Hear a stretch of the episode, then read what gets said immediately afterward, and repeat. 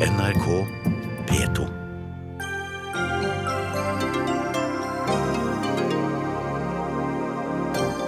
Finansministeren må fjerne de strenge reglene for boliglån, krever eiendomsmeglertopp i brev til Siv Jensen etter det store prisfallet i juni. Det er stadig stille fra regjeringen, mens tilstanden til fredsprisvinner Liu Chabot forverres. Ikke merkelig, sier menneskerettighetsjurist etter den avtalen Norge inngikk med Kina. Flyselskapet Norwegian har stått for flere tvistesaker i Transportklagenemnda enn alle de andre store flyselskapene til sammen, har Klassekampen regnet ut. Hvilke rettigheter har passasjerer, og hvordan kan Forbrukerrådet hjelpe dem? Og så Norges egne Oscar-statuetter, Amanda-prisene. Forfatter Erlend Loe er årets juryformann, men blir også selv takket på rulleteksten til en film som er nominert hele seks ganger. Det er uproblematisk, mener Erlend Loe selv, og sier at han faktisk sovnet under en tidlig visning av nettopp denne filmen.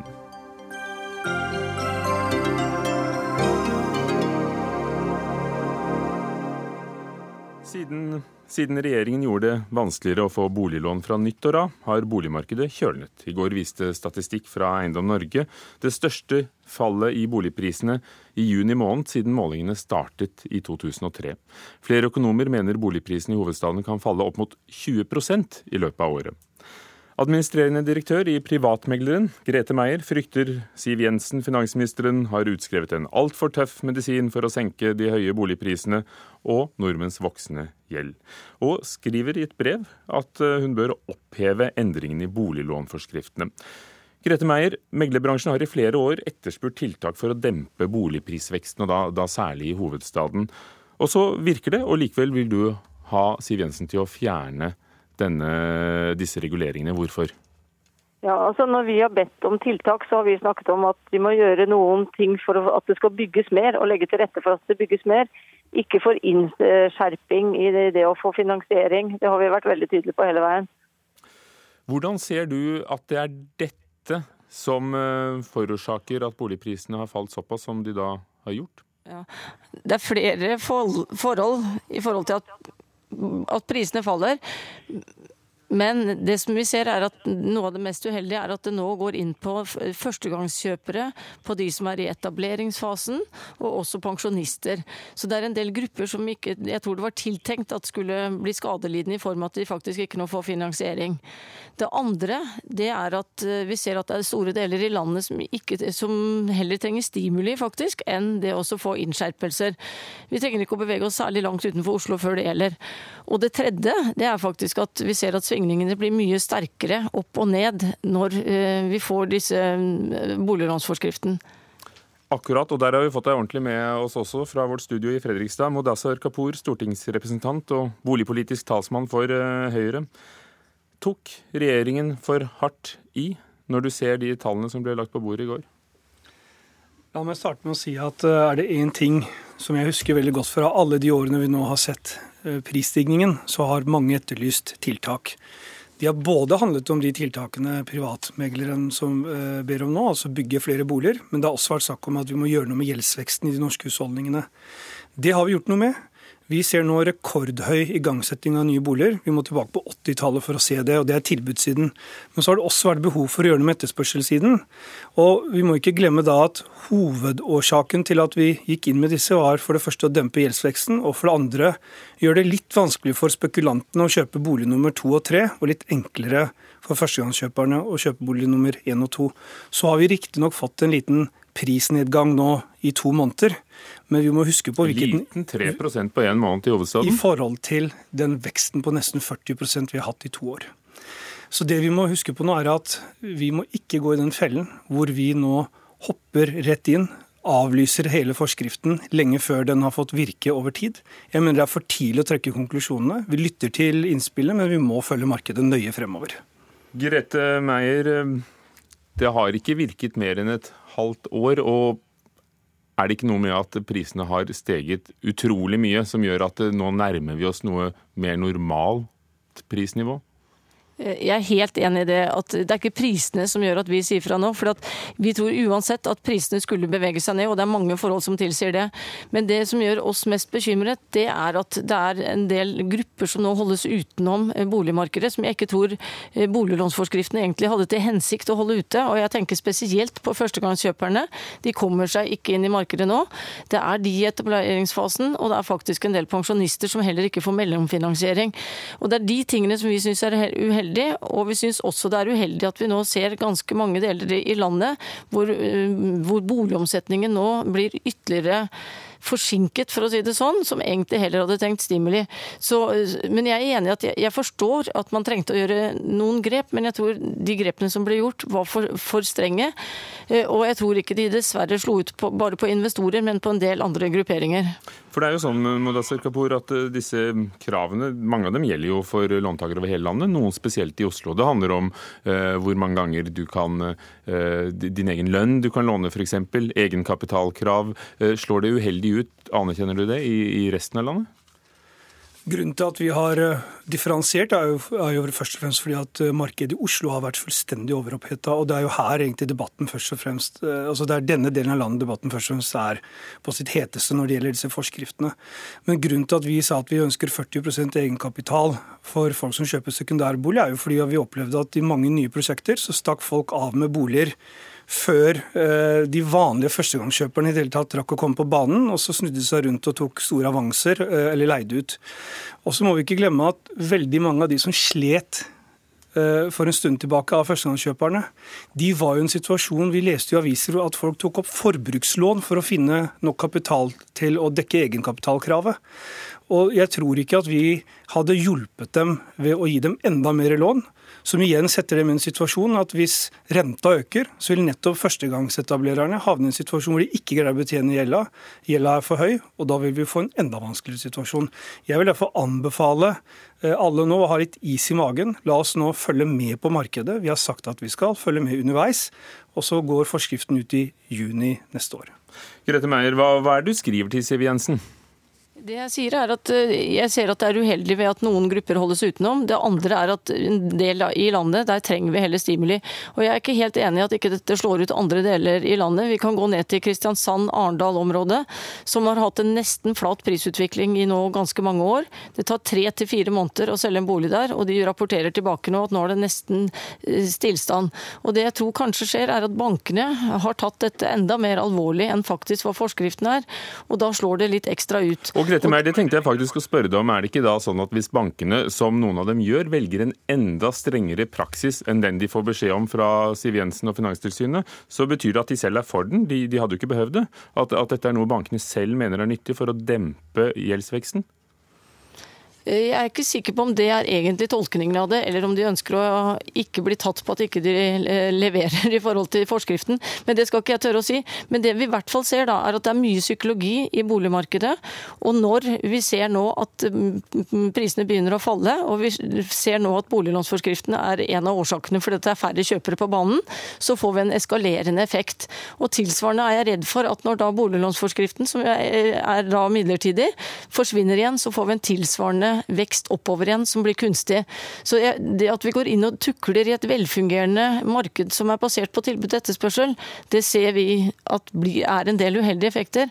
Og jeg har lyst til å bare si, jeg forstår det med investorsiden og det, men et ting de gjorde bl.a. i København, var at de gikk inn i stedet og sa at hvis du kjøper en sekundærbolig og ikke bor i den selv, eller et nybyggprosjekt hvor du da spekulerer, så måtte man betale moms på eh, eiendommen hvis man ikke bodde i den tre år selv. Så det går an å gjøre grep som ikke tar eh, altså menigmann i gata. Da. For det er det jeg opplever nå, at det er så mange av de som bare normalt ville eh, få lov til å komme inn i boligmarkedet, som i dag blir stoppet. Men, men altså, Kapur, det å tukle med markedet, som Grete Meier sa at dere gjør, det er jo ikke noe dere i Høyre liker? Nei, nettopp derfor, nettopp derfor, har vi heller ikke gjort det. Vår jobb som politikere er å legge, regulere markedet, slik at vi legger til rette for flere boliger, altså på tilbudssiden. Og samtidig så må vi ta et ansvar når vi ser at gjeldsveksten er på vei oppover. Det har vi gjort. Og så er det sånn at Meyer ser jo nå bare på halve analysen av boligmarkedet, altså det som går på etterspørselssiden. Men vi er jo også opptatt av tilbudssiden. Hun sier nå at hvis forskriften går ut, så vil boligprisen sprette opp igjen, og glemmer fullstendig at vi har en byggetakt som er like høy som på 80-tallet. Så vi jobber jo med tilbudssiden. Og nettopp derfor så vil jeg, vil jeg anmode alle i denne debatten om å ha is i magen, se på virkningene over tid, og så skal vi også følge tett på. Og Vi skal nettopp snakke om tilbudssiden ganske snart nå. Grete Meier, ett spørsmål til slutt i denne runden. Lavere priser gjør det vel lettere nettopp for førstegangskjøperne å komme inn, selv om lånekravene er strengere enn før? Hvis de hadde fått finansiering, så er jeg helt enig. Og jeg også bare vil få tilføye at jeg er helt enig at tilbudssiden er bra nå, men det jeg er redd for er når prisene faller igjen, så vet vi hva som skjer fra utbyggersiden, at da stopper de opp. Så jeg tror det er viktig, men jeg er helt enig. Vi skal være langsiktige, og jeg skal ikke rope noe ulv, ulv enda, men jeg tror det er veldig viktig at vi følger med nå og ser konsekvensen av boliglånsforskriften, og at vi agerer raskt hvis vi ser på at det blir et fall videre som er kunstig. Kari Elisabeth Kaski, stortingsrepresentant for Sosialistisk Venstreparti stortingskandidat, unnskyld. Hva, hva tenker du? Det, har det vært et riktig grep fra regjeringen å gjøre det vanskeligere å få boliglån? Jeg vil jo gi regjeringa ros for at de til slutt tok noen grep som gjorde at vi nå ser ut til å i hvert fall kunne ha fått en stabilisering. Eh, jeg er helt enig i det som blir sagt her. Den boligprisfallet som vi har hatt nå, ganske lite sammenlignet med den enorme veksten vi har hatt, og vi vet ikke helt hvordan det kommer til å utvikle seg framover. For oss har det aldri vært et mål å, å få et boligprisfall, men det har vært et klart mål å få en, et langt mer stabilt boligmarked. Og Det er det som egentlig har bekymra oss over de siste årene. og som vi fortsatt er litt bekymra for, at vi har et jojo-marked eh, der du får store pristopper og store svingninger. Som også innebærer at det er usikkerhet både for de som skal inn i boligmarkedet, men også særlig for de som har kommet inn, eh, og kommet inn med veldig høy gjeld. Og de som skal inn, ser jo da ofte på nye boliger. Og når det gjelder nettopp nye boliger, skjedde det noe 1.7. Da trådde de nye byggforskriftene i gang. TEK 17 heter det blant innvide. Ehm, alle partiene vil jo sørge for at det bygges flere boliger, men eh, Høyre vil da forenkle regelverket og har gjort det sammen med regjeringen i disse kravene som stilles til nye boliger. Eh, dere var imot eh, Kaski og, fire på kravene som, eh, som, lå der. Hvorfor er det en dårlig idé å f.eks. tillate at det nå kan bygges treroms på 50 kvadratmeter uten en klesbod? Mm. Eh, uten en såkalt innvendig bod. Eh, nei, vi mener at det som har skjedd nå med boligkravene, er at man har tatt et godt stykke, et godt skritt tilbake i tid. Fordi du har eh, senka kravene, kvalitetskravene til nye boliger, ved at du f.eks. ikke har nå et krav om innvendig bod i, i 50 kvadrats leiligheter. For vi som har bodd i det, vet at det er det behov for hvis du skal ha oppbevare kofferten din eller, eller skiene. Um, I tillegg til det så er det ikke lenger krav om vinduer i oppholdsrom, og det, heller, og det også senka kravene knytta til, til, utforming for personer som har f.eks. rullestol eller bruker rullator. Ja. Eh, og det vi bekymrer oss eh, for her, er at du bygger nå leiligheter som skal stå i veldig mange tiår fram i tid. Bygger leiligheter for generasjonene som kommer, både barnefamilier, men også eldrebølgen, som vi vet at kommer. Og bygger boliger som gjør det vanskeligere for, for mennesker med ulike behov å bo bo i leiligheten over lang tid. Og Dere var jo ikke alene om å være kritiske. Arkitektene mente at det ville sette oss 150 år tilbake i tid. Nå fikk arkitektene gehør for noe i eh, høringsrunden.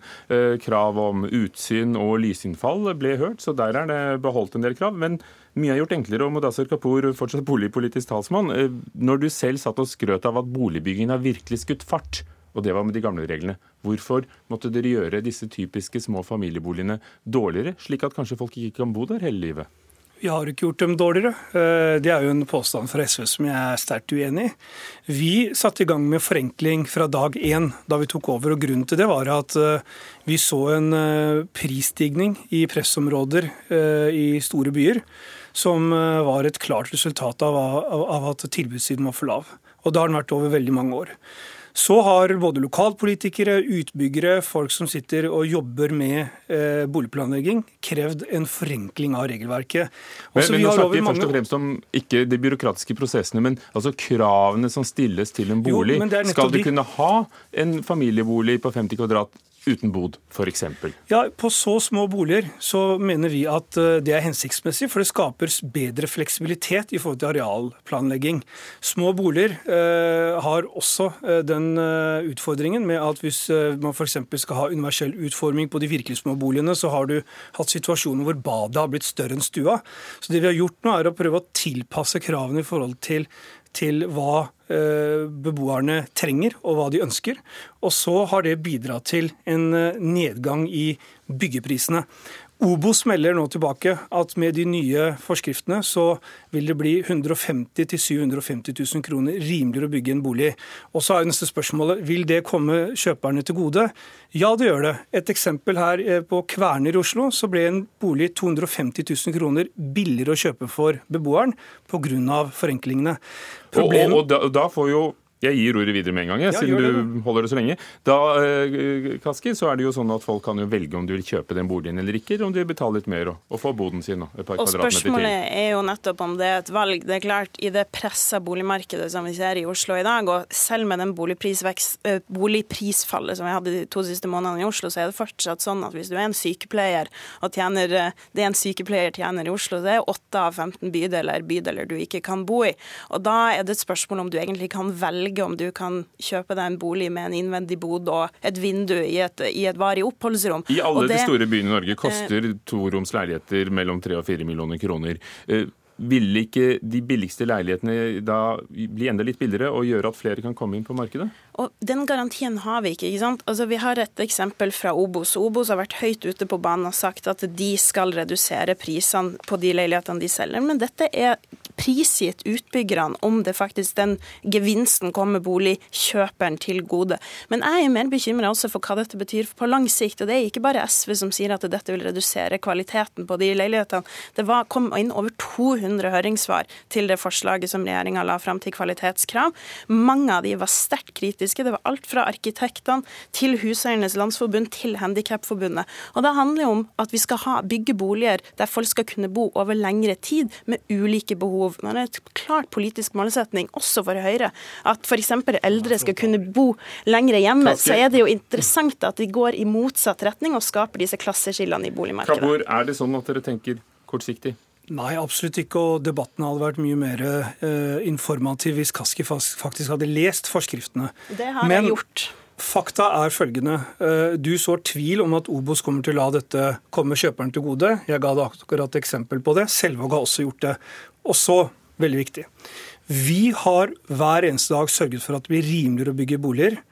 Mens SV senest i fjor sørget for oppvarmingskrav til nye boliger, som vil gjøre det 100 000 kroner dyrere ifølge boligprodusenten å bygge en bolig på 60 kvadratmeter. Og for ikke dra debatten for langt ut, programleder. Nettopp.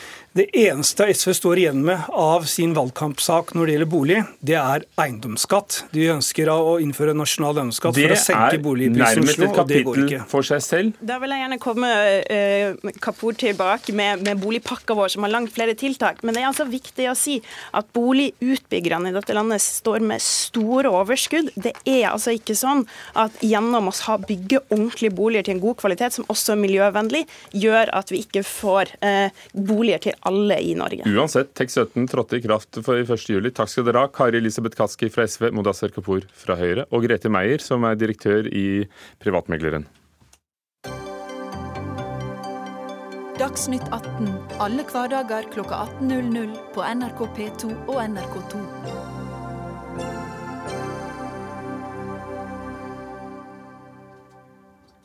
I desember i fjor plukket Norge og Kina opp eh, den diplomatiske tråden igjen. Men det var ikke uten forpliktelser. Norske myndigheter lovet bl.a. å gjøre sitt beste for å unngå fremtidig skade til bilaterale relasjoner. Dette er fra avtalen. Og da er spørsmålet om det er dette Erna Solberg og utenriksministeren har i tankene når de velger å ikke uttale seg om fredsprisvinner Lio Chabot, som er rammet av uhelbredelig leverkreft, og i dag kom meldinger om at tilstanden hans har forverret seg. Mens EU har krevd, via utenrikssjefen Federica Mogherini, at han må løslates for å kunne få behandling i andre land. Også USA har gjort det. Nå har vi da ikke lyktes med å få Utenriksdepartementet til å stille i denne saken. Men Sofie Høgestøl, forsker ved Norsk senter for menneskerettigheter, du skriver i Dagbladet at um, den avtalen som Kina og Norge inngikk, fortjener større debatt, og at vi overhodet ikke bør bli overrasket over det som skjer nå. Nei, altså Hvis du leser den avtalen fra desember, så er det jo klart at vi mer eller mindre har sagt til Kina at vi ikke kommer til å kritisere deres kjerneinteresser. Um, og Det betyr jo at når en menneskerettsaktivist som dette som har blitt syk, så er jo det en del av Kinas interne politikk, som vi da ikke ønsker kommentarer på. Uh, og, og det er uh, Når jeg leste denne avtalen første gang, så satt jeg kaffen bokstavelig talt i halsen. For det, det, er en type formulering som jeg ikke har sett i norsk utenrikspolitikk før. Det er en veldig spesiell avtale. Uh, og selv om denne saken som vi ser nå med Leo er veldig alvorlig, så er det jo også andre større saker på tapeten, deriblant det som skjer i Nord-Korea nå. Og da er det viktig at vi skal kunne kommentere og debattere slike saker med Kina.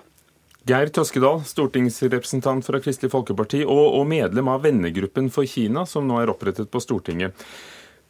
Hvordan leser du den teksten? Betyr denne avtalen at uh, Norge ikke kan eller bør kritisere Kina i en sak som denne? Ja, jeg vil først av alt si at Høgestøl eh, reiser en viktig sak. Dette var òg tema når Erna Erna og statsminister Erna presenterte dette i Stortinget, så ble det jo en, en åpen debatt. og Vår partileder gikk klart ut og påpekte at uh, samtaler uh, omkring menneskerettsspørsmål og slike ting, og trosfrihet, det vil være naturlig. Og det må kunne være et tema videre.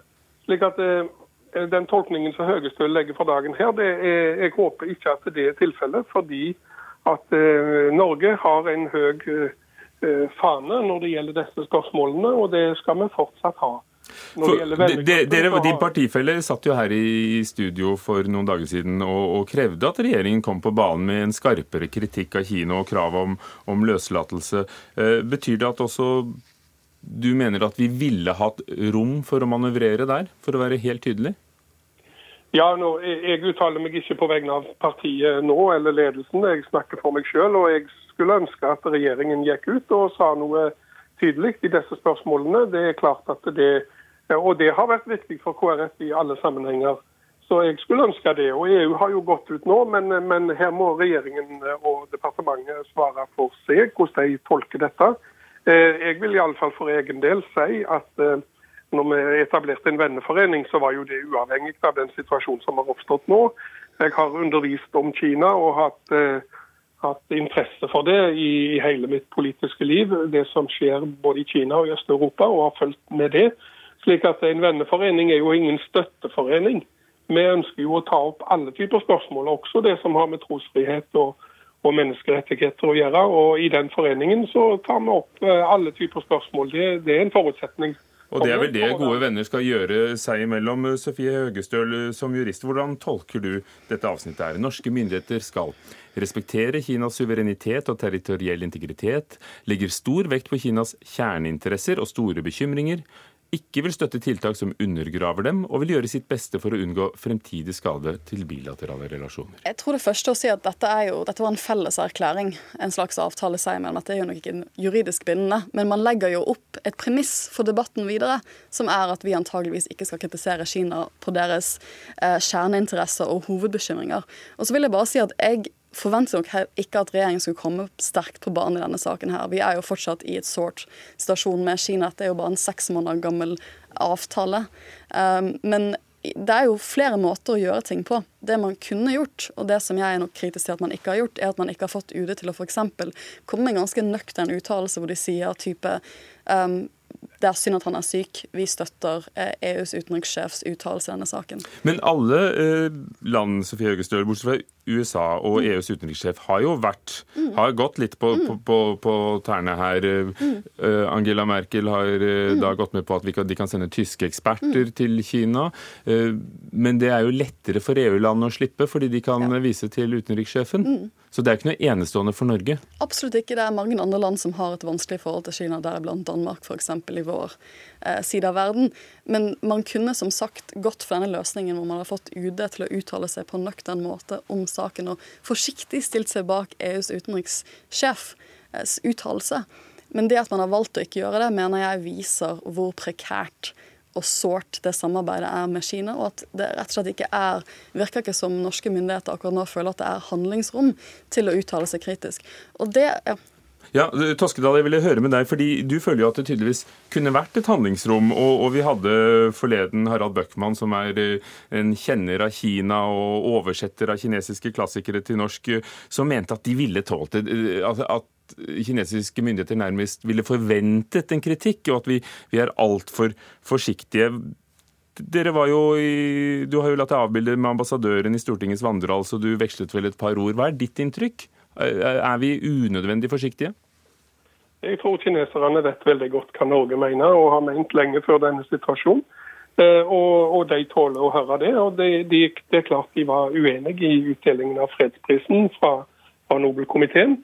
Eh, det, er, det, som er viktig nå, er å ha fokus på hvordan vi kan komme videre, hvordan denne situasjonen kan eh, løses. Og Det forventer jeg at offisielle myndigheter, regjering, departement og utenriksdepartement tar seg av. Og nå har EU, altså, unnskyld Toskedal, I dag har jo da EU-parlamentet også krevd løslatelse og komme på banen.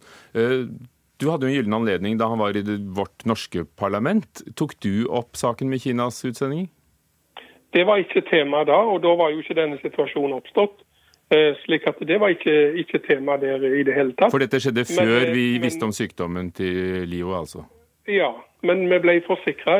Når jeg eh, ble med i venneforeningen, så var det jo en generell interesse for, for Kina. og Da hadde vi besøk av Utenriksdepartementet, som kunne fortelle at menneskerettighetsspørsmål er en del av standard oppsett når en diskuterer med andre stater, og at det var også gjort i denne, dette tilfellet. Så jeg har tillit til at den kontakten er etablert, og jeg forutsetter at det er rom for å ta opp slike spørsmål, slik som min partileder har sagt i, i Stortinget.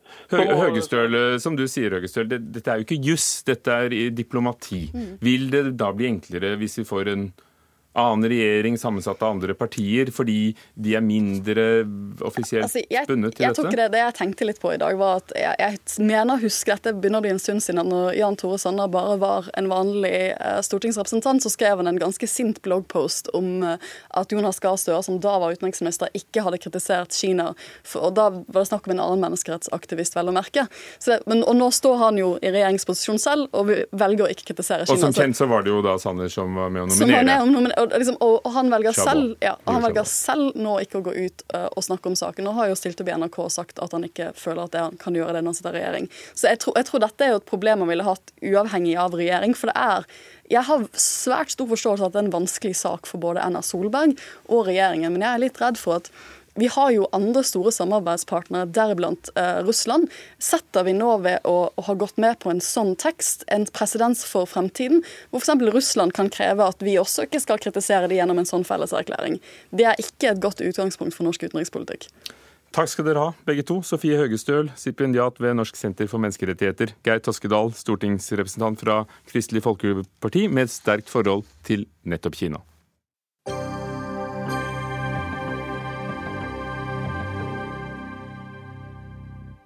De siste fem årene har flyselskapet Norwegian stått for flere tvistesaker i Transportklagenemnda enn alle de andre store flyselskapene til sammen.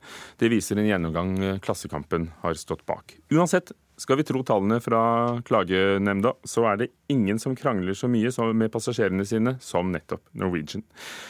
Hvilke rettigheter har vi da når vi kjøper en flybillett, eh, enten den er billig eller dyr? Randi Flesland, direktør i Forbrukerrådet. Hvordan merker dere misnøyen med Norwegian? Ja, Vi merker det jo på at vi får ganske mange henvendelser. og I forhold til andre flyselskaper så er jo Norwegian en klar toppkandidat. Eh, det det går mye på, er for dårlig informasjon, for sen informasjon, ikke god nok kundeservice i skrankene når det er forsinkelser kanselleringer. Om man går til skranken for å få hjelp, så kanskje man ikke får den hjelpen. Eh, så det er jo klart at her er det et forbedringspotensial. Men som de påpeker selv, de er jo også dem som frakter flest passasjerer inn og ut av Norge og i Norge, så det er kanskje ikke så rart at det blir flere klager? Ja, Hvis vi skal bruke statistikk, så er nok deres andel av klager vesentlig større enn deres relative andel av trafikken. Eh, så likevel så har de et stort forbedringspotensial på dette området. Norwegian ønsket ikke å være med her i Dagsnytt 18 i dag, men har sendt oss en uttalelse som er veldig lang. Men jeg kan oppsummere den sånn om at de erkjenner at de har hatt alvorlige forsinkelser og kanselleringer. Dette er noe de tar veldig alvorlig. Og så skriver de vi utbetaler hvert år store beløp til kunder som er blitt rammet av forsinkelser og kanselleringer, og vår klare praksis er at alle som har krav på kompensasjon, skal få det. Er det ditt inntrykk? Eh, jeg har ikke hørt at de ikke betaler ut når de når, når, forbrukeren får medhold i Transportklagenemnda. Så det er nok antagelig riktig. Nå er det sånn at flyrettighetene i Europa er bra. Og de ble opprettet fordi at flyselskapene skulle oppføre seg bedre i forhold til kunden. For det var for mye kanselleringer, det var for mye overbookinger, og kunden ble taperen. Nå er det jo faktisk kjempeviktig at flyselskapene skal holde avtalen sin med kunden som de inngår i det de selger dem en billett. Eh, så avvik skal faktisk svi en del, og forbrukerrettighetene er gode i Europa. Men likevel så må jo um, både Norwegian og andre flyselskap ta vare på kundene underveis. Og det er jo det vi ser at de har et stort forbedringspotensial på. Når du står der, og du plutselig blir kansellert, og du får en SMS og sier at flyet ditt er kansellert, ja, hva så? Hvem tar vare på meg da? Når kommer neste fly? Altså, Blir jeg booket om? Hva skjer egentlig? Og det er jo der den ivaretagelsen må skje. Og det er jo der Norwegian svikter. Og noe av svaret i alle de medieoppslagene som har vært de siste ukene, handler jo om at i sommersesongen så er det veldig vanskelig, fordi alle de andre flyene er fullbooket også, og kanskje ingen flyr akkurat dit hvor de flyr, og at hotellene er fulle. Ja, Men så må man kanskje forvente da at Norwegian, som er et stort og voksende flyselskap, klarer å planlegge både fly og piloter i forhold til de billettene de selger. Men det er det ikke alle som klarer, heller ikke eh, Widerøe. Og i dag, eh, i går, fortalte Helgelands Blad at Widerøe må avlyse mange flyavganger i sommer og til høsten fordi de ikke har fått det mannskapet de hadde gjort regning med. da, Også solgt billetter til en vare de tydeligvis ikke kunne levere. Eh, her forteller Silje Brandvold, kommunikasjonsdirektøren i Widerøe, om hvordan passasjerene kommer til å rammes. Vi regner med at i juli så, så tar vi ut ca. 100 avganger. Det er altså mellom tre og fire avganger til dagen i snitt.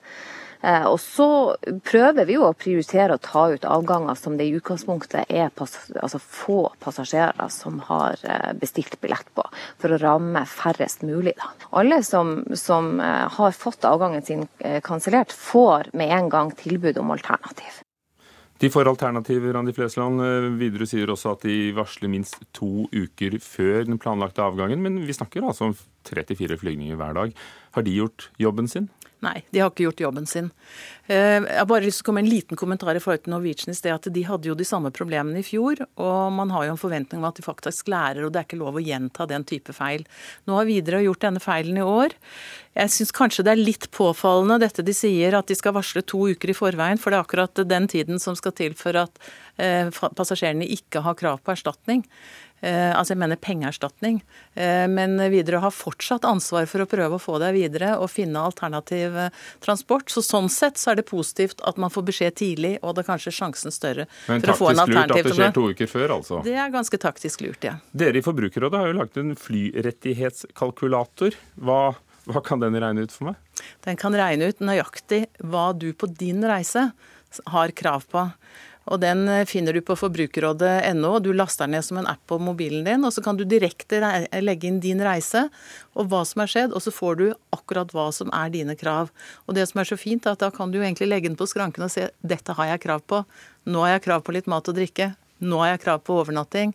Og så kan du også få denne standardkompensasjonen som de fleste har krav på når forsinkelsen er lang nok eller det er en kansellering. Vi har regnet ut at uh, ditt krav på taletid er ute, men tusen takk. Randi Flesland, direktør i Forbrukerrådet.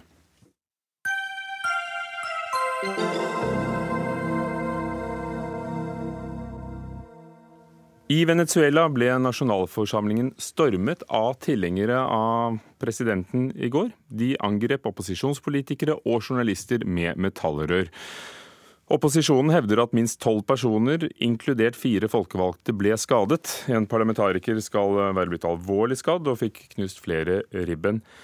90 personer er blitt drept i de siste månedene med demonstrasjoner og uro. Vi husker jo i forrige uke så stjal en tidligere politimann og skuespiller et politihelikopter og skjøt mot offentlige bygninger midt i hovedstaden.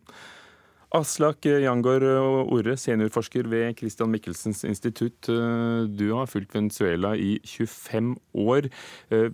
Hvorfor skjedde denne stormingen nå? Hva var påskuddet, hvis vi skal kalle det det? Jeg tror vi må sette det i sammenheng med den store konflikten som har pågått i lang tid nå mellom opposisjonen og regjeringa. Og den direkte foranledning var at eh, Maduros chafista-regjering har eh, hatt som sin løsning å lage en ny grunnlov. Eh, det er opposisjonen veldig imot. Derfor har opposisjonen forsøkt i går å Ehm, vedta å holde en alternativ eh, folkeavstemning for å vise at eh, flertallet av folket er helt imot å lage en ny grunnlov. Ehm, og sannsynligvis var det dette disse bandene forsøkte å forhindre. Og, og, de valgte jo da en dag da de folkevalgte hadde, eh, hvor opposisjonen er i flertall, hadde en spesialsesjon for å markere landets uavhengighetsdag. Du nevnte Maduro og Chafista-regjeringen. Hvem er de? Chafista, hvorfor? Um, vi kan gå kjapt tilbake til 1999, eh, da, eller 1998, da Chávez kom til makta. Eh, på en bølge av folkelig oppslutning mot det gamle regimet. Men eh, han fikk straks laga en, eh, en, ny grunnlov som passa han veldig godt. Og han også på bakgrunn av veld, veldig store oljeinntekter så klarte han å bli veldig populær utover 2000-tallet. Men etter hvert så begynte det å gå veldig galt med økonomien, og Chávez sitt regime ble stadig mer autoritært. Og, og konflikten med opposisjonen ble stadig sterkere. Jeg legger til at eh, mye av eh, problemet med Chavista-regimet har vært at den retoriske metoden har alltid vært å øke polariseringen av landet, altså ved å demonisere eh, alle som er imot regjeringen. Si at de er lakeier for utenlandske krefter, og at de står i ledetog med imperialister og sånt noe, som, noe som har stor grad umuliggjort en ordentlig demokratisk dialog. Er det en høyre-venstre-konflikt? Nei, det er det ikke. Det er en konflikt mellom eh, stordelene av opposisjonen, som helt klart nå representerer størstedelen av befolkninga, mot et veldig isolert eh, regime som eh, har brukt makta til å ødelegge økonomien i landet, men også å berike seg sjøl eh, veldig mye. Og sørge for at eh, den lille klikken rundt eh, eh Chavista-ledelsen har blitt helt eh, søkkrik. Så eh, i den grad de forsøker å påstå at de er en venstreregjering, så har de veldig dårlige argumenter. Maduro, presidenten altså, har jo tidligere truet med å gripe til våpen for å forsvare regjeringen sin, og, og nå beskylder opposisjonen ham for å selv ha bestilt det angrepet på nasjonalforsamlingen i går. Hva, hva, tror du? Jeg vet ikke om akkurat han har bestilt det, men en sentral en ting som ikke er, ofte er, kom så godt fram i internasjonale medier, er at eh, det er nok ikke bare Maduro som har makt sjøl. Eh, det er veldig mange splittelser i Chavista-regjeringen nå. Og eh, bl.a. en figur som eh, dukka opp i nasjonalforsamlinga i går, det var visepresidenten som heter Tarek al-Aisaimi. Um, han eh, er sannsynligvis den som mest av alt kontrollerer disse paramilitære styrkene eh, rundt om i landet. Og mest sannsynlig så var dette, et slags, eh, var dette organisert av Al-Aisami heller enn Maduro. Du som er i kontakt med, med mange mennesker i Venezuela, hvilken, hvilken løsning ser den du snakker med? Det er nok ikke sånn at folk ser helt klare løsninger. Men det, eh, det, som er veldig tydelig, er at flertallet i befolkningen, og alle jeg eh, kjenner og snakker med i Venezuela, eh, håper at denne regjeringa skal falle, sånn at man kan få et alternativ regjering. Nå er det nok ikke sånn at chavist Chavista-bevegelsen vil, vil, forsvinne sånn helt av seg sjøl. Det vil nok være en politisk ressurs som man kan trekke på i Venezuela Eh, i mange tiår framover pga. Chávez store popularitet. Litt på samme måte som peronismen har, blitt, eh, har, har eh, spist av eh, Perons store popularitet i, i mange, mange tiår. I Argentina, altså. Ja. Takk skal du ha, Aslak Jangor Orem etter at altså Venezuelas nasjonalforsamling ble fryndet, for at du satte oss inn i dette. Du er seniorforsker ved Christian Michelsens institutt. Hør Dagsnytt 18 når du vil. Radio NRK Radio.nrk.no.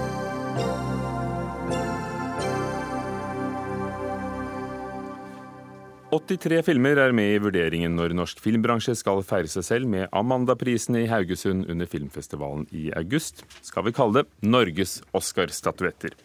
Kim Hjortøys film 'The Rules for Everything' er nominert i hele seks kategorier. Lederen av juryen som har nominert den, heter Erlend Lo. Ikke bare en kjent forfatter og filmkritiker, men også en venn og tidligere samarbeidspartner av regissør Kim Hjortøy. Og man blir takket av på filmens rulletekst.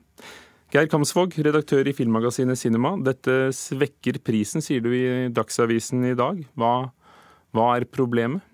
Problemet er jo at når eh, juryformann blir diskusjonstema, og ikke de filmene som er nominert, så har man et problem. Og da, da, da bør man eh, da, da, har man ikke tenkt seg nøye opp på forhånd. Altså, Amanda-komiteen har ikke gjort noe gærent. Den har nominert en veldig sterk jury. Juryen er faglig veldig sterk. Men når man som eh, juryformann ser at en av hans venner er veldig aktuell, eh, som i flere, til flere priser, så bør man kanskje tenke seg om at eh, er det lurt av meg å sitte i den stillingen, bør jeg kanskje overlate den til noen andre. Men tror du ikke at i et lite miljø som Norge, kanskje spesielt når det gjelder en sånn liten bransje som filmbransjen, så er det ikke til å unngå at de fleste kjenner hverandre, har jobbet med hverandre, på en eller annen måte har noen bånd, og at de klarer å, å, ta forholdsregler sånn at det ikke blir noe problem? Stoler du ikke på dem? Eh, eh, altså, Folk vil alltid det beste, men det er jo forskjell på bekjentskap og vennskap. Altså, Alle kjenner alle i den bransjen, her, så liten er den. Men vennskap, da går det litt lengre. Og Hvis man jobber tett med hverandre, lagt for, laget flere bøker sammen osv., feriert sammen osv., så, videre, så har man utviklet noe mer enn et bekjentskap. Og Da er det, da er det gjerne sånn at Personlig, Vi stiller jo opp for vennene våre. Vi legger gjerne inn et godt ord for vennene våre. Kanskje bevisst eller ubevisst, men det gjør vi. Sånn er den menneskelige naturen. Erlend Lo, juryleder for Amandaprisen i år. Er du uhildet når du vurderer filmen til en gammel venn og samarbeidspartner? Har du, har du stilt opp for vennen din? Ja, det Spørsmålet er selvfølgelig betimelig. Jeg har jo lenge etterlyst, ønska meg sammen med kolleger, en oversikt over eh, hvem som kjenner hvem, f.eks. i filmbransjen. Hvem som har bodd med hvem, feriert med hvem, ligget med hvem, har barn med hvem osv. Det kunne vært en fin grafisk oversikt, og den ville ha blitt veldig kaotisk. Jeg ser jo på den øvrige lista av nominerte at jeg også har jobba med ti andre. Og Kim Hjørtøy har jeg ikke hatt nær personlig kontakt med på jeg vet ikke, ti-tolv år, kanskje. Så det er den vurderinga tok jeg på forhånd, og også sammen med eh, Amanda-komiteen. Spurt og ble avklart raskt at nei, vennskap spiller ingen rolle. Så i så fall tenker jeg jo at uh, jeg, jeg, burde ikke blitt spurt. Men du sier til Dagsavisen i dag at du tok jo noen forholdsregler likevel? Ja, det er klart. Jeg vet jo at min smak er overlappende med Kim Hjortøy sin smak, siden jeg har kjent den godt for, for, kanskje 20 år siden. Da visste jeg jo fra time til time hva han tenkte og følte. Sånn har jeg det ikke lenger. Så jeg passa meg med å være den som sa først at uh, jeg syns uh, Hjortøy sin film skal nomineres i sånn og sånn kategori. Det, det gjorde jeg. Så dere henger ikke sammen men, som, men som erteris lenger? Altså. Det gjør vi slett ikke. Og det har vært andre mennesker i de to juryene som, eh, og det har vært demokratiske prosesser. Så, og det kan man jo undersøke eventuelt med de andre medlemmene i de to juryene. Geir Kansvåg, hvor mener du at, at, grensen for inhabilitet bør gå? Han hadde jo avklart dette. Eh, altså, når det kommer til en sånn jury som det her, så må man ta valget sjøl. Det gjorde han. det gjorde han, og jeg tror han tok et feil valg. Altså, hvis vi tar inn på det, okay, Han sier at de, de har hatt tett vennskap sammen på 20 år eller noe sånt. Vel, eh, han så, jo, han så, jo, filmen før den var ferdig, og, og han er takket på rulleteksten eller noe. I forbindelse med markedsføring av filmen så hadde man spesialvisninger på Vika hvor det het at uh, Kim Hjortøy inviterte venner til en filmprat etter visningen. Og Det var, det var tre slike spesialvisninger, og en av de spesialvisningene var med Erlend Lo som venn. Burde du gått på gangen når du så at navnet ditt kom opp på rulleteksten? Da hadde det vært tøysete å sitte i den juryen. Da var det vel sånn at jeg heller ikke burde blitt spurt. For det var et tidlig spørsmål i, da jeg ble spurt, og da jeg fikk høre at vennskap ikke er noe hinder, og at sånn har det vært i alle år, så slo jeg bare det fra meg med en gang. Men her kan jeg jo nevne, som jeg også sa til Dagsavisa, at da Oi, Du er i Polen, Erlend Lo. Det har jeg ikke fortalt ennå, men vi hører nå at det først spraket litt, og nå er Erlend Lo helt borte. Men eh, ja, helt, ja nå, er, nå er du der Så- igjen, Erlend Kan du bare fortelle hva du ville for, fortelle oss? Og ja, eh, da jeg ble bedt av produksjonsselskapet til Kim eh, Hjortøy om å se filmen uh, i en tidlig klippa versjon, så gjorde jeg det og sovna. Og måtte si til Kim Hjortøy etterpå at beklager, jeg, jeg sovna. Jeg, kan- jeg kan ikke uttale meg om filmen din, jeg håper du ikke tar det ille opp. Um, så det, jeg føler at jeg har ikke spesialbehandla han på noen måte. Sovnet under filmen. Ja, Tonje Hardersen, festivaldirektør i Den norske filmfestivalen. Du leder Amanda-komiteen. Spurte Erlend Loe om å være juryformann. Eh, Hvor går, hvilke regler har dere for inhabilitet? Du, vi har, eh, Som det står i reglementet vårt, så står det at jurymedlemmer kan ikke selv være knytta til filmer som, er, eh, som skal bli vurdert av juryene. Og det er det. Og det er jeg har tenkt, Juryen har sett over 30 filmer. Jeg vil anta at det er 2500 mennesker som har vært involvert på disse produksjonene totalt. Og det sier seg selv av, av Hvis vi skal ha kompetente mennesker å sitte i juryen som har en faglig tyngde, så sier det seg selv at de vil på en måte ha kjent disse, jobbet med de og vært eh, i stand. Så klart det å sette bekjentskaper eller vennskap og hvem skal trekke de grensene som et kriterium, det vil være helt umulig å finne jurymedlemmer som har tid til å se alle disse filmene. Når disse diskusjonene har kommet opp når det gjelder Kulturrådets tildelinger, så får vi høre at da, da er jurymedlemmene på gangen. Kunne det vært en, en sånn generell løsning også for dere? Nei, det syns jeg ikke. Vi hadde vi syntes at eh, Erlend var inhabil, så ville vi ikke ha spurt han om å sitte i juryen. Eh, som sagt, det er ikke det vi legger til grunn, men jeg tenker at det er en demokratisk jury. Det sitter mange andre og ser på dette her. Og det at det oppstår en diskusjon om folk er habile eller ikke, betyr ikke at de er inhabile. Det betyr bare at man diskuterer den, betyr ikke at eh, det, det er det. Og er veldig, jeg er veldig glad for at man har eh, Amanda-diskusjoner. Det har man hatt i 33 år prisen har vært, og jeg regner med at det fortsatt vil være diskusjoner hvert eneste år. Det er kjempefint, men, eh, men eh, jeg syns ikke dette er eh, Jeg tror det er vanskelig i kulturbransjen at man eh, skal finne folk i komiteer som ikke kjenner noen andre som er involvert. Og da, Kamsvåg, hvordan skulle vi unngått dette fenomenet om at alle kjenner hverandre uten å stole på hverandre? da? Nei, Det er jo vanskelig, og derfor blir det veldig opp til den enkelte person som blir tatt ut til en, eh, en, å sitte i en jury. Man må vurdere ta et eh, eget valg og si OK, er jeg habil eller ikke habil? Vil noen stille spørsmål med min habilitet? Og det har skjedd her, og, og det sa du i sted, men hvordan ville du gjort det i stedet? Bare være enda strammere på hvor Man grensen enda, går? enda strammere, altså hvor, eh, man må stramme på, eh, på hvor grensene går. Helt, prøve å finne litt klarere retningslinjer. Men når det kommer til stykket, så, det jo, eh, så det, må det være den enkelte jurymedlem som må se om den er habil eller inhabil. Erlend Lo, hvor, hvor ville den grensen gått for deg? Hvor tett opptil eh, Hjortøy måtte du vært før du, før du eh, sa at du måtte gå ut på gangen? Måtte, måtte dere ha ligget sammen? Måtte dere ha skrevet bok i fjor? Det har eh, som sagt ikke jobba tett med Kim på, på mange år. Men det er andre regissører som er, hvis filmer er nominert her, Terje Ragnes, Arild Andresen f.eks., de jobber med i, i nyere tid. Arild Andresen ganske nylig. Finn Gjerdrum, produsent på Kongens nei, jobber jeg med akkurat nå, for tida. Harald Rosenløv Veg eh, kjenner jeg. Martin Sundland, som også er produsent og nominert, har jeg også jobba med. Eh, Flere skuespillere har jeg jobba med, så lista går, lang, går langt nedover. Og Kim eh, kommer for meg langt ned på den lista. Men var det noen av dem, for det jeg spurte om var hvor, hvor går den grensen? For du nevnte et sånn kart hvor du kunne klassifisere alle i, i norsk filmbransje med, med, med piler til Ja, hverandre. det- hvor, hvor går grensen for deg for hvor du ville følt at nei, nå ble det sannelig for tett? Vi- Hvis jeg hadde jobba med denne konkrete filmen, hadde interesse, altså kunstnerisk eller økonomisk, av at The Rules for Everything ble bra, så hadde jeg takka nei. Men det har jeg ikke. Og jeg har heller ikke hatt noe nært, eh, altså skapende forhold til Kim Hjortøy sin kunst på mange år. Så det, det, jeg tenkte egentlig ikke tanken at det var et problem. Hardersen, når, når i det hele tatt diskusjonen Et øyeblikk, du skal, du skal få ordet igjen, men, men Hardesen, når diskusjonen i det hele tatt kommer opp, viser ikke det at, at tilliten til prisen blir svekket, som, som Geir Kansvåg, redaktøren, mener? Nei, hvis tilliten til prisen skulle vært svekket hver gang det var diskusjon rundt Amanda-prisen, så ville den jo vært eh, borte nå i dag. Eh, tvert imot så viser det at dette er en pris som mange bryr seg om er viktig, og det syns jeg er kjempefint. Eh, men, eh, men, som sagt, å, å, trekke en habilitetsgrense mellom hvem som kjenner hverandre eller som har jobbet sammen, blir umulig når det er filmbransjen. Det er en bransje som består av et, det er et kollektivt arbeid, det er 100 mennesker som er involvert per film. Eh, disse menneskene jobber på forskjellige produksjoner, de jobber med hverandre på ett prosjekt og ikke prosjekt. og derfor Derfor har vi satt det som et kriterium at man kan ikke være direkte involvert i den enkelte filmen som da juryen skal vurdere. Oscar-utdelingen, da er det jo et helt, uh, helt, laug av folk som stemmer. Uh, dere har en publikumspris. Kunne dere også utvide dette til å, til å få alle medlemmene av Filmforbundet til å stemme, f.eks. gjort det sånn?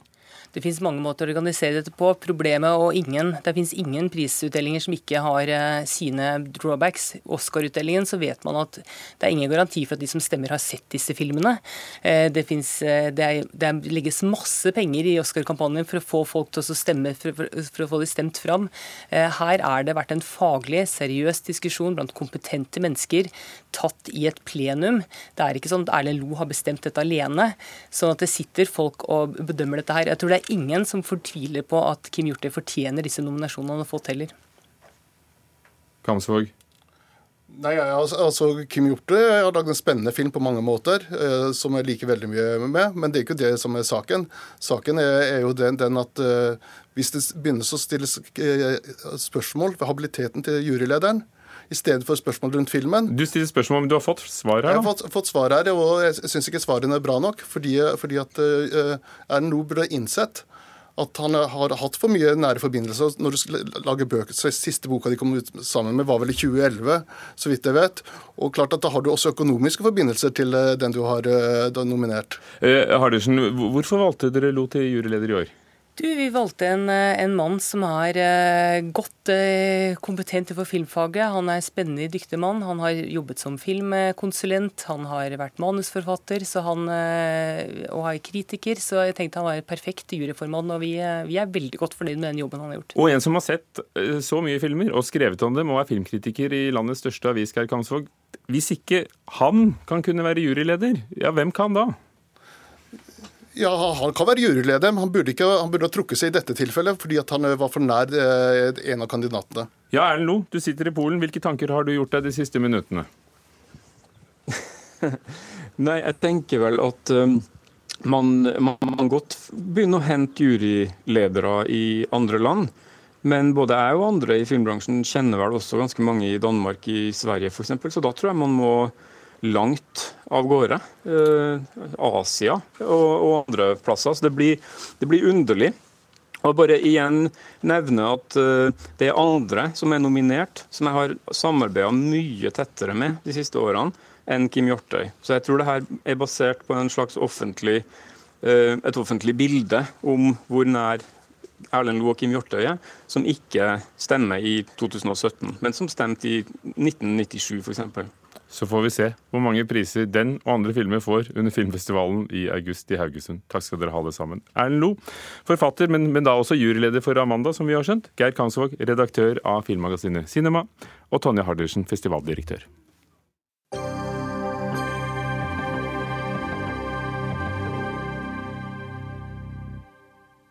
At Rogaland har valgt å ikke slå seg sammen med nabofylkene, det kan tale for at fylket taper kampen om å få Landbruksdirektoratet. Det sier Høyres Meling, Siri Meling. Det er spesielt når Høyre lokalt kjemper for at Rogaland skulle stå nettopp alene, mener fylkesordføreren i Rogaland. For det er nemlig flere fylker som kjemper om å få Landbruksdirektoratet, og dermed rundt 200 arbeidsplasser. Og Solveig Ege Tengesdal, fylkesordfører fra Kristelig Folkeparti i Rogaland. Hvordan tolker du disse uttalelsene fra Siri Meling som kom på lørdag til Stavanger Aftenblad? Ja, jeg vil jo si det var veldig spesielt eh, å få en sånn kommentar, og ikke minst fra Høyre, som jeg òg har sånn sett sagt noe om. Eh, var veldig tydelig på at en eh, ønsket å stå som egen region inntil det var avklart hvilke oppgaver som en så for seg skulle flyttes fra et statlig til et regionalt folkevalgt nivå. Så det var ikke der jeg hadde venta å få sånne signaler eller sånne kommentarer. Siri Melling, medlem av finanskomiteen fra Høyre. Hva mente du da du sa at å flytte statlige arbeidsplasser er også å belønne regioner som slår seg sammen? Ja, altså Dette var en bisetning eh, i et intervju eh, hvor vi diskuterte ulike argumenter nettopp for å få Landbruksdirektoratet til eh, Rogaland. Eh, og det er mange gode argumenter for det. Eh, men eh, så ble det òg sagt fra min side at det at noen regioner har valgt å slå seg sammen, gjør gjerne at de står sterkere, og har sterkere kompetansemiljøer, og at Rogaland da at det kan være en negativ ting for Rogaland. Men bare så det er sagt, jeg stiller meg fullt ut bak det som òg har vært Rogaland Høyre sin innstilling når det gjelder at Rogaland fylke bør være et eget fylke. Så bare sånn at ikke det skal være en del av diskusjonen. For du sitter jo på rogalandsbenken på Stortinget? Ja, ja. Eh, og jeg leder rogalandsbenken på Stortinget. Som, som rogalending, synes du da at, eh, at Landbruksdirektoratet burde gå til nettopp Rogaland? Eh, ja, absolutt. Rogaland er jo et stort landbruksfylke. Vi har sterke fagmiljøer, mye kompetanse òg når det gjelder juridiske spørsmål. Eh, og vi har en beliggenhet eh, med nærhet til flyplass osv. som Det er mange gode ting som taler for at Rogaland bør være et eget fylke. Nei, unnskyld, at eh, Landbruksdirektoratet bør lokaliseres til Rogaland. For det, Landbruksdirektoratet er jo da et av de mange statlige foretakene som eh, Jan Tore Sanner og regjeringen foreslo å flytte tidligere i år. Og så har det blitt kjent at f.eks. Fredskorpset skal flytte til Førde. Det diskuterte vi her denne uken. Eh, og Solveig Egge Tengesdal, det ville vel ikke vært unaturlig, selv om Meling sier at det var en bisetning, at, at de fylkene som faktisk følger regjeringens linje, om ikke blir belønnet, i hvert fall eh, viser en samarbeidsvilje og, og går i den retningen? Ja, jeg tror eh, Rogaland har sånn sett eh, gjort det de skulle i forhold til prosess, og, og, var sånn sett godt i gang med å tenke en vestlandsregion. Flertallet i Rogaland ønsket ikke det, og eh, derfor så er situasjonen sånn at inntil videre, inntil det er avklart, så står vi eh, sånn sett som, en, som, et, eget fylke, som en egen region. Men jeg oppfatter at dette med å flytte statlige arbeidsplasser ut, det er noe som nåværende regjering er opptatt av, fordi at en ønsker å ta i bruk hele hele landet. Som, på samme måte som Rogaland er opptatt av å ta i bruk hele fylket. Og det må jo være avgjørende eh, at Rogaland er den mest sentrale landbruksregionen i landet. Både når det gjelder primær- og foredlingsledd, og har viktige fortrinn i forhold til landbruksforvaltningen. Og da tenker jeg det skal legges fram en faglig eh, anbefaling eh, først, og så skal det tas en politisk avgjørelse, forstår jeg, eh, over sommeren. Nå venter vi ennå på den faglige tilrådingen, men det er jo litt fristende å utfordre stortingsrepresentanten stortingsrepresentant Siri Meling på om hun kjenner til denne innstillingen, si hun har kommet med de signalene som nå hun har gjort. Ja, Siri Meling, er det, er det fag eller politikk? Altså, jeg legger til grunn at regjeringen mener alvor eh, når de sier at de vurderer ulike lokaliteter basert på hvilke som er best egnet til å være vertskap for, eh, for et landbruksdirektorat. Men, men når du sier det du sa, Meling, beklager, når du sier det du sa om at eh, selv om det var en bisetning å flytte statlige arbeidsplasser og også belønne regioner som slår seg sammen, betyr det at Rogaland stiller med svakere kort enn Trøndelag og Agder, som konkurrerer om dette her? Altså, Rogaland har mange sterke kort eh, i forhold til å få et landbruksdirektorat til, til fylket. Og jeg har bare lyst til å si at det, det, er to ulike saker. Altså, Regjeringen har en enighet med Venstre om utflytting av statlige arbeidsplasser. Det er én sak. Den andre saken var regionsreformen, og den sto vi jo sammen om med både Kristelig Folkeparti og Venstre. Det er to separerte, altså ulike saker. Eh, og Når det gjelder det med utflytting av statlige arbeidsplasser, så er det klart at eh, Rogaland har mange gode argumenter for å få, eh, få Landbruksdirektoratet hit. Rogaland er et fylke, det fylket i landet som har minst andel statlige arbeidsplasser. Og når vi vet hvordan situasjonen òg er når det gjelder arbeidsledighet pga. fall i oljepris, så skulle det òg tilsi at, statlige arbeidsplasser vil være ekstra kjærkomment. I tillegg til alle de andre gode argumentene for et landbruksdirektorat. Tengesdal, stoler du på at eh, fag vil avgjøre i denne saken når landbruksminister Dale skal ta avgjørelsen etter sommerferien? Altså jeg, jeg, opplever nå at Meling blander faktisk inn utflytting og regionreform. For det er nettopp den bisetningen som henviser til belønning knytta til større regioner, som nå blir brukt som en anledning til å si at en på en måte ikke fortjener et landbruksdirektorat.